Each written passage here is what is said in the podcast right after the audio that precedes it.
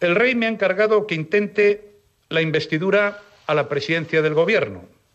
Le he explicado que hasta el momento no cuento con los apoyos para ello, pero que acepto el encargo, que buscaré esos apoyos. Lo he estado haciendo hasta hoy y a partir de ahora lo haré además con el encargo del jefe del Estado. Mi intención es hablar y negociar un eventual programa de gobierno. Por ello, me dirigiré de manera preferente a los partidos constitucionalistas con los que parece más razonable encontrar acuerdos. Hoy, más que nunca. Voy a redoblar los esfuerzos de negociación.